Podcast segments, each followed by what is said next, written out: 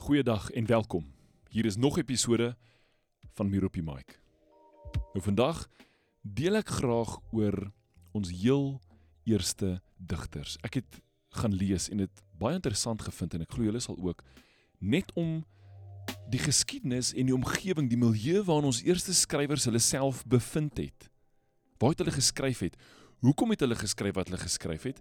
En dan gaan ek interessant genoeg paar van die aspekte wat ons al aangespreek het in hierdie in hierdie podcast net noem want dit duik op by skrywers want onthou daai eerste skrywers was skrywers soos ons. Hulle het spore getrap en hulle was die baanbrekers. Nou net bietjie vir vir agtergrond vir vir konteks. In 1652 het oom Jan van Riebeeck geland aan die Kaap net met die doel om die verversingsbos van die Hollandse Oos-Indiese Kompanjie te stig. Land stig hom go. Maar het nie. So het baie van die Hollanders nie gegaan nie. Hulle het hier gebly. Ek dink is maklik as jy in die Kaapland om verlief te, te raak op Suid-Afrika. En nie net het hulle gebly nie, maar daar's nog Hollanders wat gekom het om te bly, om hier te wees en besef nou dat en as jy die prentjie insien, hulle het in die Kaap geland, Kaapstad.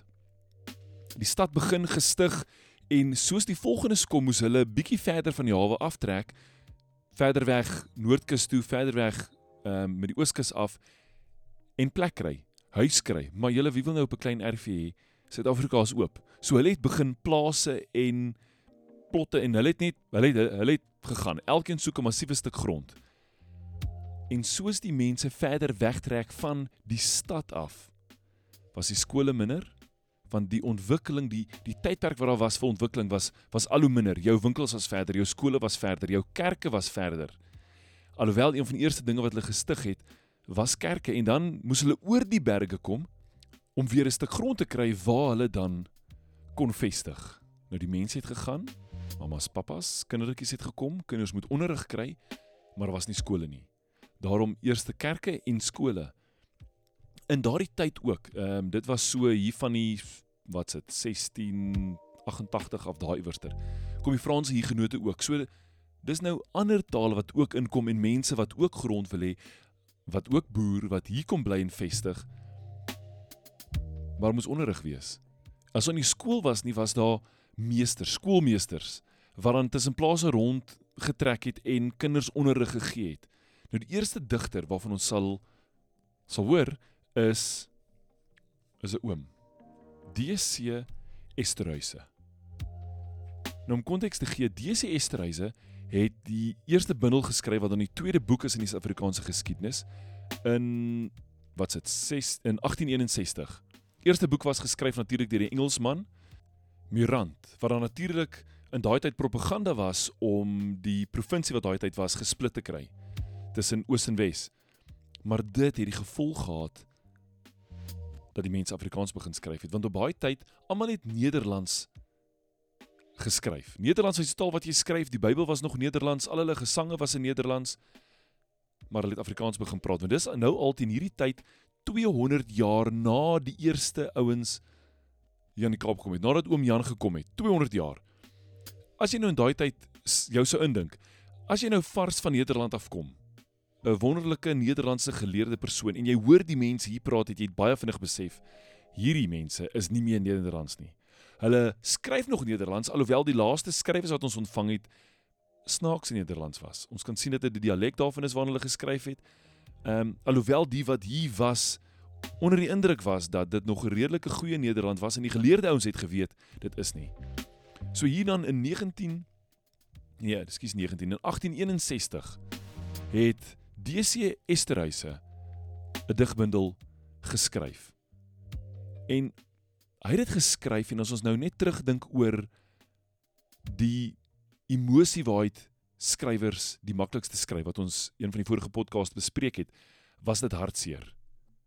En daarom ook sy skrywe. Sy eerste bundel is dan troosrede. En dit wat hy geskryf het, een wil as ek twee verse reels lees uit sy uit sy bundel uit, lees dit wat ek dan nou so goed as moontlik probeer lees. Ehm um, ag wat is aan my gebeure? Ben ek dan 'n moordenaar? En hy het dit geskryf omdat hy in daardie tyd 'n seun verloor het.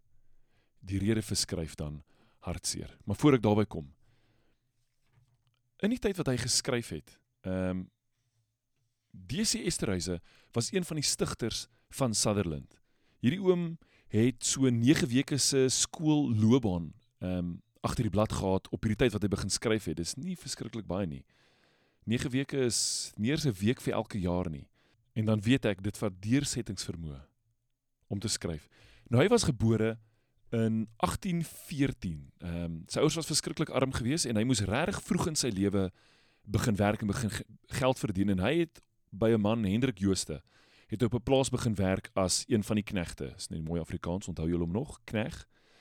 Ehm um, hy sy werk ontsettend goed gedoen. Hy het baie aansien gevind en hy kon dan later ook hierdie plaas koop. So hy het hom oorgekoop by meneer Hendrik Jooste. En sy skoolmeester wat hom dan Engels leer, ehm um, ag Afrikaans leer skryf het, leer lees het, het dit gedoen uit 'n destydse trap der jeug. Nou ek's nie seker wat die boek was nie. Ek sal nog 'n bietjie moet gaan kyk uit wat hy leer lees het, maar daar ook skryf en onthou nou die dit wat hy geskryf het. Hy het op 'n tyd gekom en dis waar ons self bevind. Afrikaans as skryftaal het nie bestaan nie. Daar was geen baanbrekers nie, daar was geen onderrig in Afrikaanse skryf nie. Hulle moes van voor af skryf en woorde nuut uitdink oor hoe om die spelling toe te pas uit hulle Nederlandse alfabet uit. En toe in 1961 skryf hy die tweede Afrikaanse boek. Die titel dan daarvan Troosrede. En uit sy boek geskryf nadat hy en sy sy tweejarige seentjie Hermanus het in die veld gaan stap en hy die ouetjie het honger geword en hy het vir hom van 'n soort tulp gegee wat nou 'n kraaitulp wat baie giftig was, maar hy het dit nie geweet nie. So net 'n paar uur nadat hy dan vir sy seentjie van gegee het, is sy laaitjie toe oorlede. En die man se hart was stik en daarom dan daai twee reëls wat ek vroeër gelees het.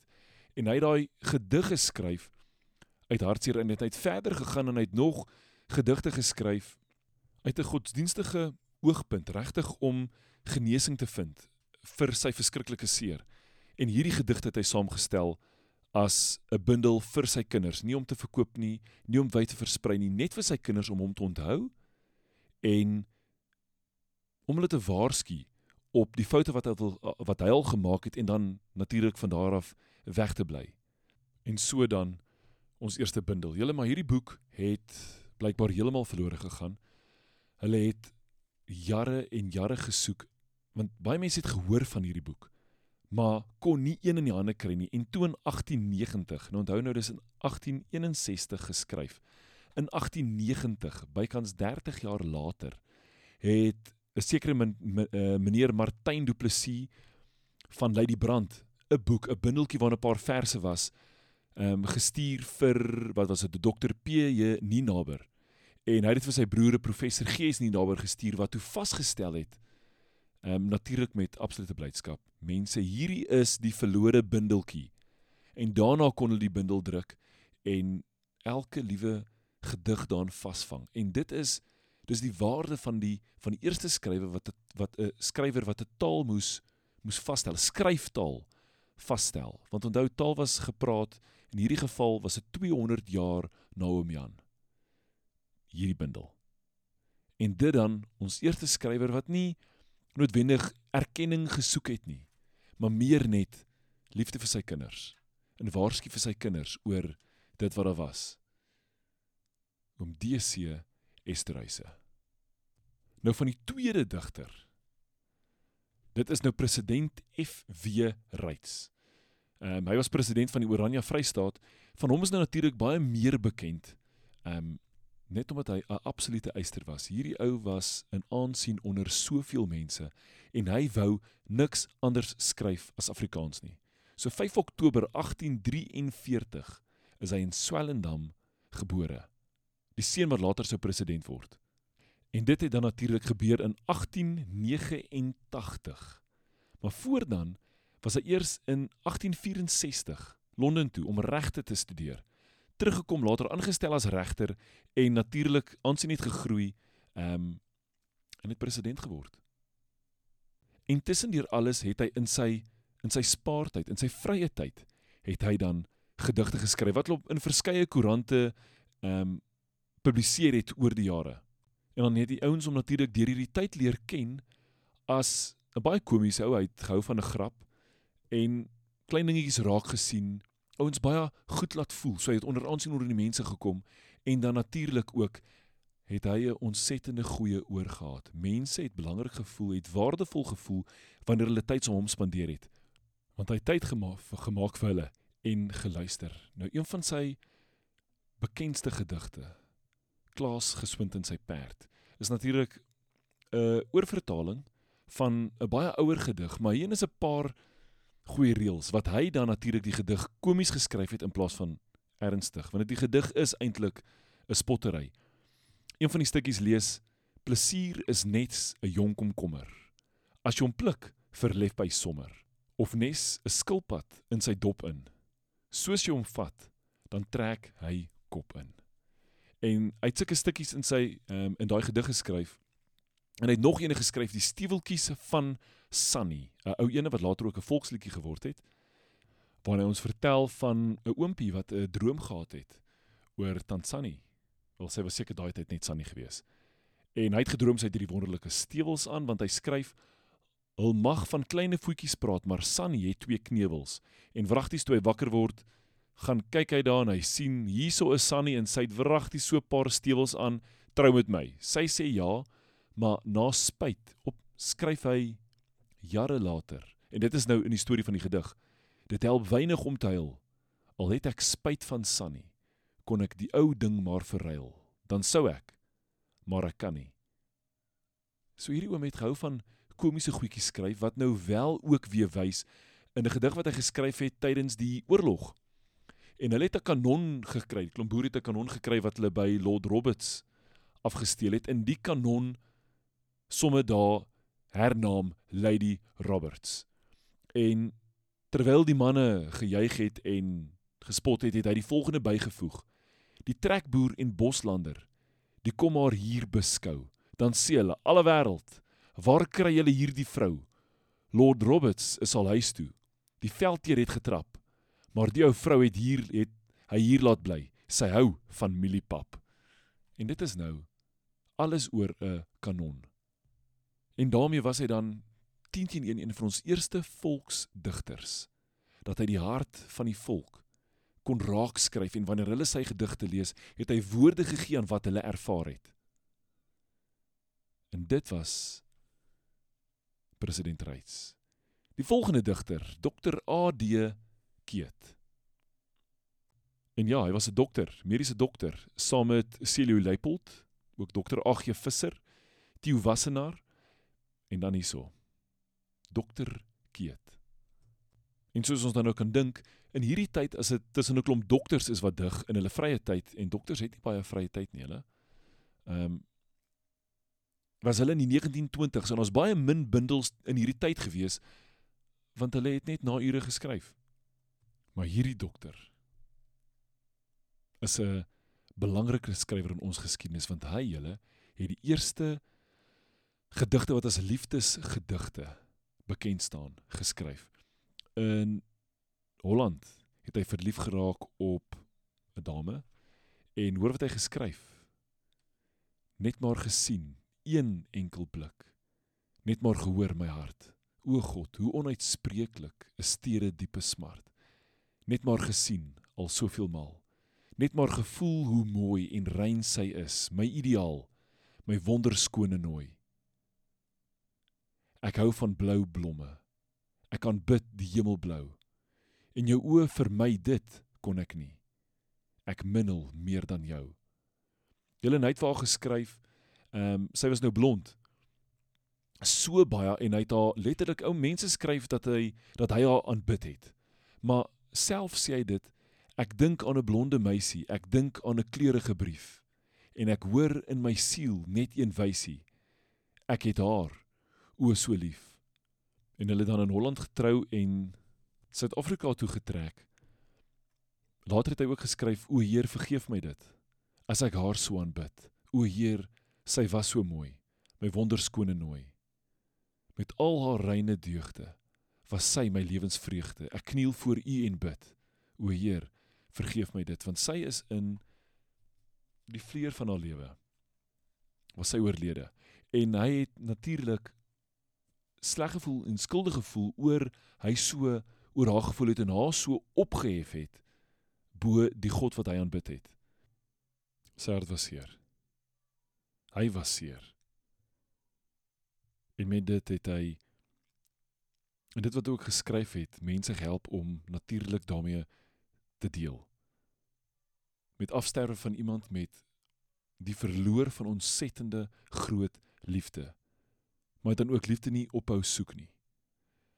Maar ja, kom ek vat net al sy al sy reise net gou bymekaar.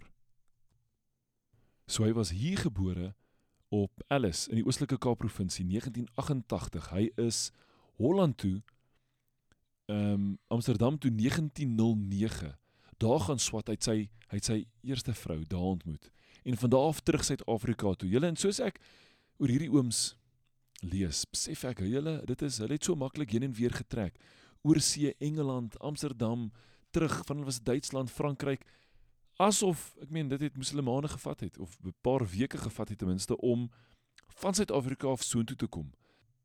En in een van hierdie gevalle waar hy in Amsterdam was, baie interessant, het hulle 'n rugbywedstryd gehad tussen Afrikaanse studente van Skotland en 'n span Afrikaners in Holland. En hierdie dokter Keet, die skrywer van liefdesgedigte het die eerste 3 gedruk in 'n rugbywedstryd in Holland. Hoe awesome is dit? Um, hy het ook baie cricket gespeel.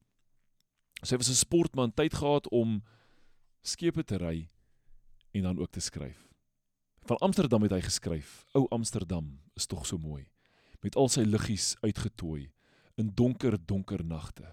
Dis liggies hier en liggies daar in lange rye aan mekaar wat flikker in die gragte. Verder het hy geskryf sneeu, sneeu, lieflike sneeu, daal op die aarde neer. Dit val en dit swewe. Dit sterf en dit lewe. O kyk tog, hoe kom dit alweer? So hierdie was 'n was 'n dokter gewees. Nie baie nie baie geskryf nie, maar wat hy geskryf het, het die harte gevang veral omdat hy die eerste liefdeskrywer was.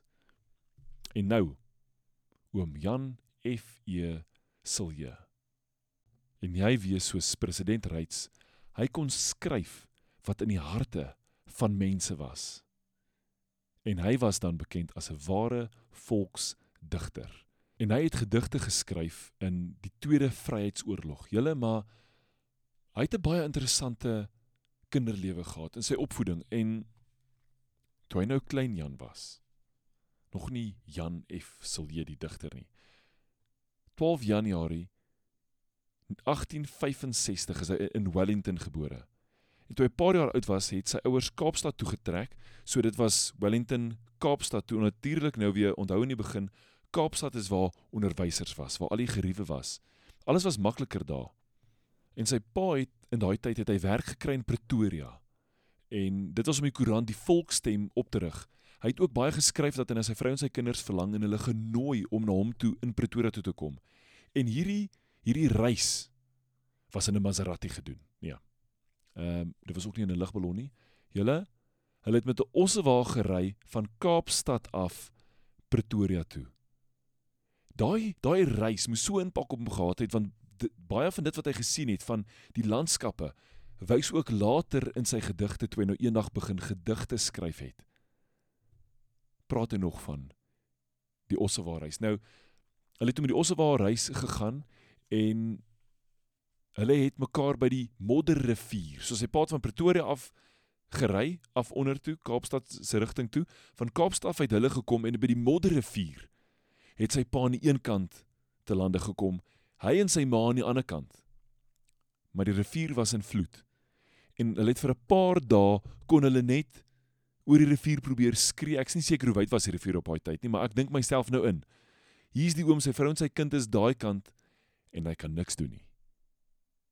Maar seker, die dag toe hy oor daai rivier geswem kry en oorkom, toe gee hy vir haar 'n soen en sê: "Hallo my vrou." En so het oom Jan F Silje dan Pretoria toe gekom en hy daar in 'n Engelse kerkie het hy dan skool gegaan. En so was meeste van sy onderrig dan ook Engels gewees en hulle skoolmeester op daai tyd was nou nie beskryf as 'n man wat nou wonderlike onderwyser was nie. Ehm um, vir die kinders se kant was hy beslis want hy het sommer hier teen 12 uur teen middagete se tyd skool gesluit en gesê speel en dan het hy nou gaan rook en middagete eet en later teruggekom partykeer. Somstyds het hy teruggekom en die kinders kon heeldag speel en lekker gaan en eendag toe hulle nou hulle noem dit pertjies ja is as hulle blaartjies en bootjies en stokkies gemaak het en dit in die stroompie laat af ehm um, spoel het. En soos dit afgaan het hulle nou gekyk wie se bootjie wen. Een het vasgesteek teen 'n klippie en teen 'n stokkie en teen daai draai. Toe kom hy daaraan. In plaas van hulle skool toe te jaag, haal hy nou natuurlik sy bootjie uit en speel saam met die kinders. Maar dit was nie altyd so plesierige tyd nie. Want Engels het toe gekom, Transvaal gaan ekseer en hy het by sy pa gaan werk vir 'n verskriklike salaris van R1 per maand in die drukkery van die koerant. Julle 'n rand. Hoe lank laas was jy R1 betaal vir werk? Ek dink eers my laaitie sal werk vir R1 se sakgeld nie of enigiets. Kar was vir 'n rand. O, genigtig nee.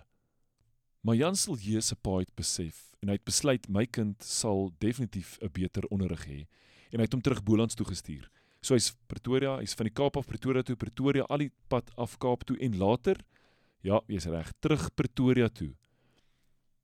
In daardie tyd, um, sy groot begeerte was natuurlik nie om te dig nie. Definitief nie om te skryf nie. So hy wou 'n landmeter word. En onthou nou met min skool was hy nie baie goed in wiskunde nie en jy wiskunde is nogal belangrik in wat hy moes doen. Maar hierdie oom het aanhou probeer. En hoor nou hier, nou's hy Nederland toe. So nog een van ons digters van daai tyd wat net so maklik oor see gaan swat het. En op daardie stadium julle hierdie oom het gehou van lees. So op baie stadium toe nog het hy nog net gelees, maar hy het elke liewe boek verorber. Hy het dit meer as een keer deurgelees. Ehm um, dalk nog onderste boek probeer lees, verskillende plekke in die huis, hy het buite in die veld gaan lees. En een van sy eerste boeke was Robinson Crusoe. Maar hier op 'n stadium toe raak die begeerte om te skryf, om te vertel wat ek ervaar in my, net so belangrik as wat dit was om inligting bymekaar te maak in my. Van hom is ehm um, beskryf dat die musiek van woorde hom so bekoor het dat hy lang stukke uit die boeke uit sy kop geleer het.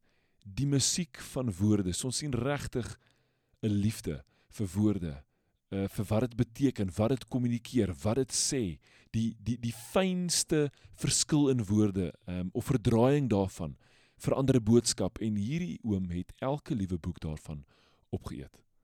Hy het dan sy studies klaar gemaak in Nederland as landmeter. Ehm um, daar al besef, "Jo, ek is nie regtig vir hierdie werk uitgeknip nie." Pretoria toe gekom, begin werk daarin en nog 'n ding besef, hierdie werk maak dat ek baie alleen in die veld is en ek is nie eenvoudig alleen wees nie. Ek wil tussen mense wees. So hy dadelik gaan aansoek doen vir werk en hy het toe werk gekry as 'n bibliotekaris. Bibliotekaris. Iemand wat in 'n biblioteek werk. Ons het nie meer dit regtig nie. Uh, wanneer laas het jy bibliotekaris probeer uitspreek? So, met daai tonknopertjie. Hy het dit gekry maar kort nadat hy begin werk het, breek die tweede Vryheidsoorlog uit en hy het dadelik komande toe gegaan.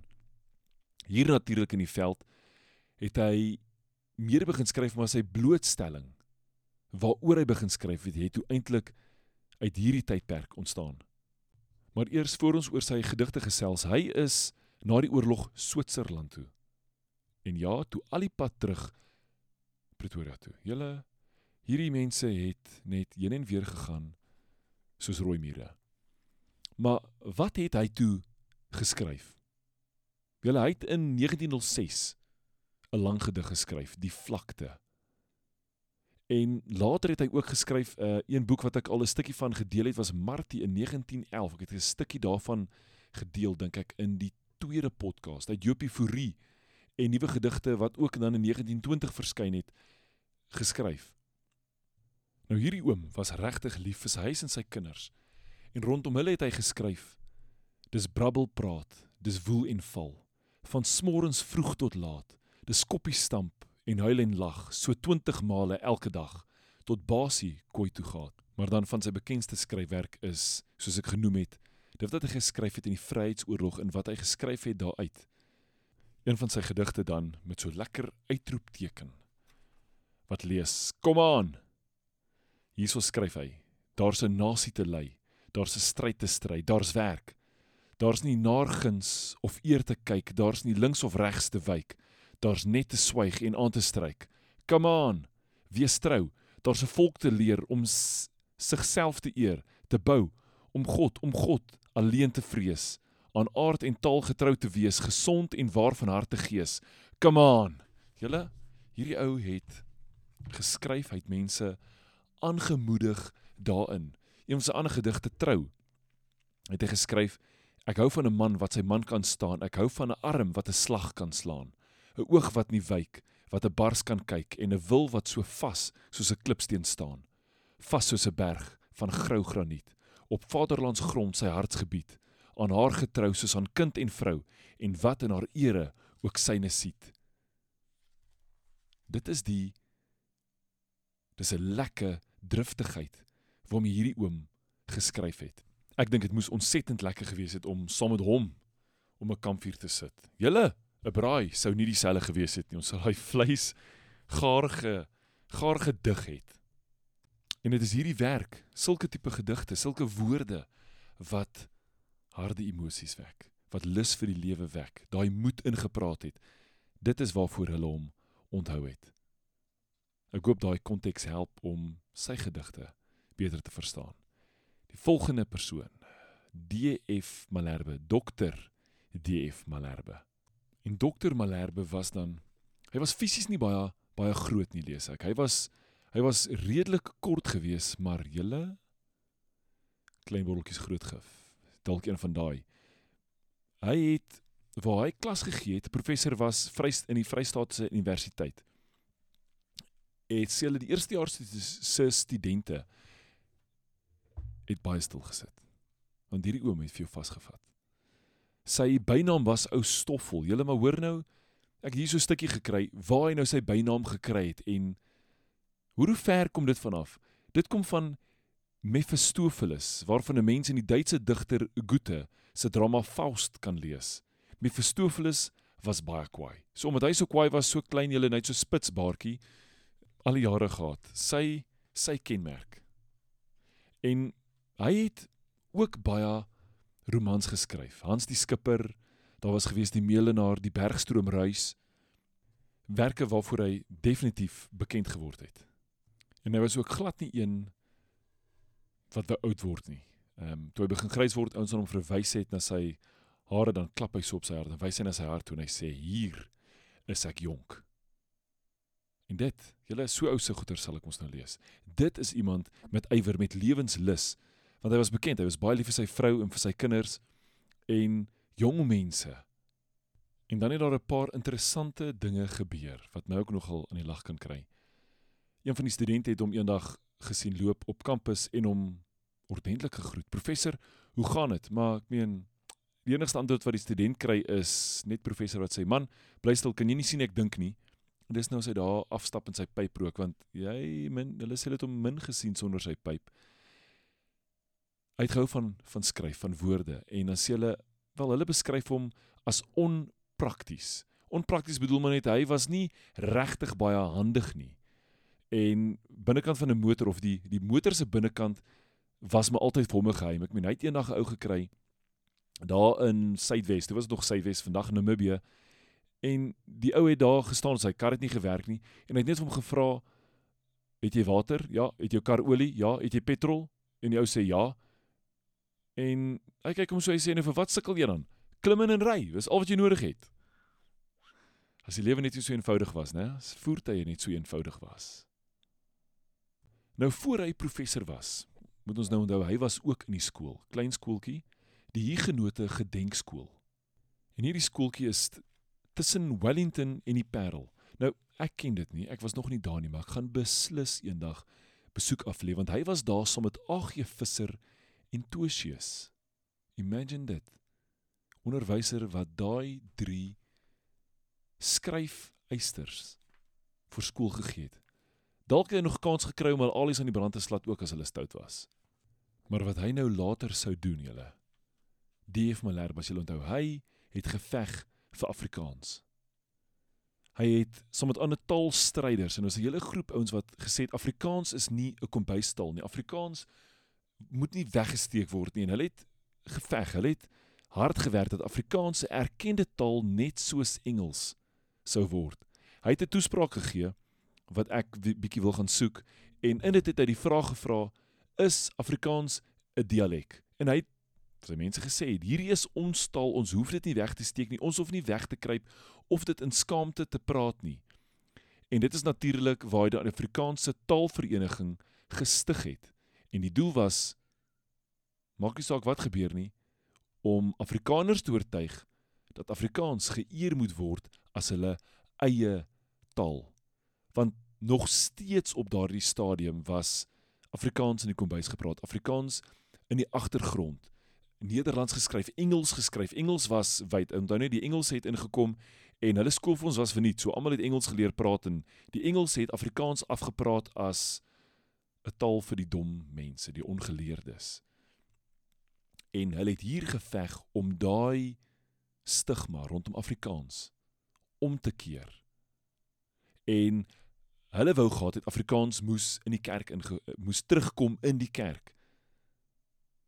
Hulle het definitief nie op 'n beklein en in 1918 was Afrikaans tot geken in, in universiteite. En hy was toe ook die eerste man wat professor in Afrikaans geword het. Uh, dit was nou by die destydse Grey um, Universiteitskollege in Bloemfontein. 1941, hele paar jaar later, het hy as professor afgetree. Maar hy definitief nie gaan rus nie. Want hy het nog definitief hy het, hy het baie rondgereis, hy het lesings gegee, hy het toesprake gehou, sy passie vir Afrikaans uitgeleef. So kom ons kyk bietjie. Wat het hy geskryf? Een van sy gedigte, Die lied van die nagwind. En dit is weer eens daai bundel wat ek nou-nou gelees het, Teef Malherbe, Afrikaanse verse. So hier is 'n bloemlesing wat hy saamgestel het en van sy eie gedigte het hy dan gekies. Die lied van die nagwind. Ek lê op my bed, so onrustig. Dis middernag lankal verby en ek hoor hoe die nanag se koelte deur eike en denne vergly. O nagwind, o nagwind, kom sê my, wat spreek tog jou ruisende lied? Vertel jy 'n tyding van liefde? Bring jy vrede of wee en verdriet? Die laaste vers sluit hy af: O nagwind, Ek hoor maar deur grond nie jou klaande, suisende sang.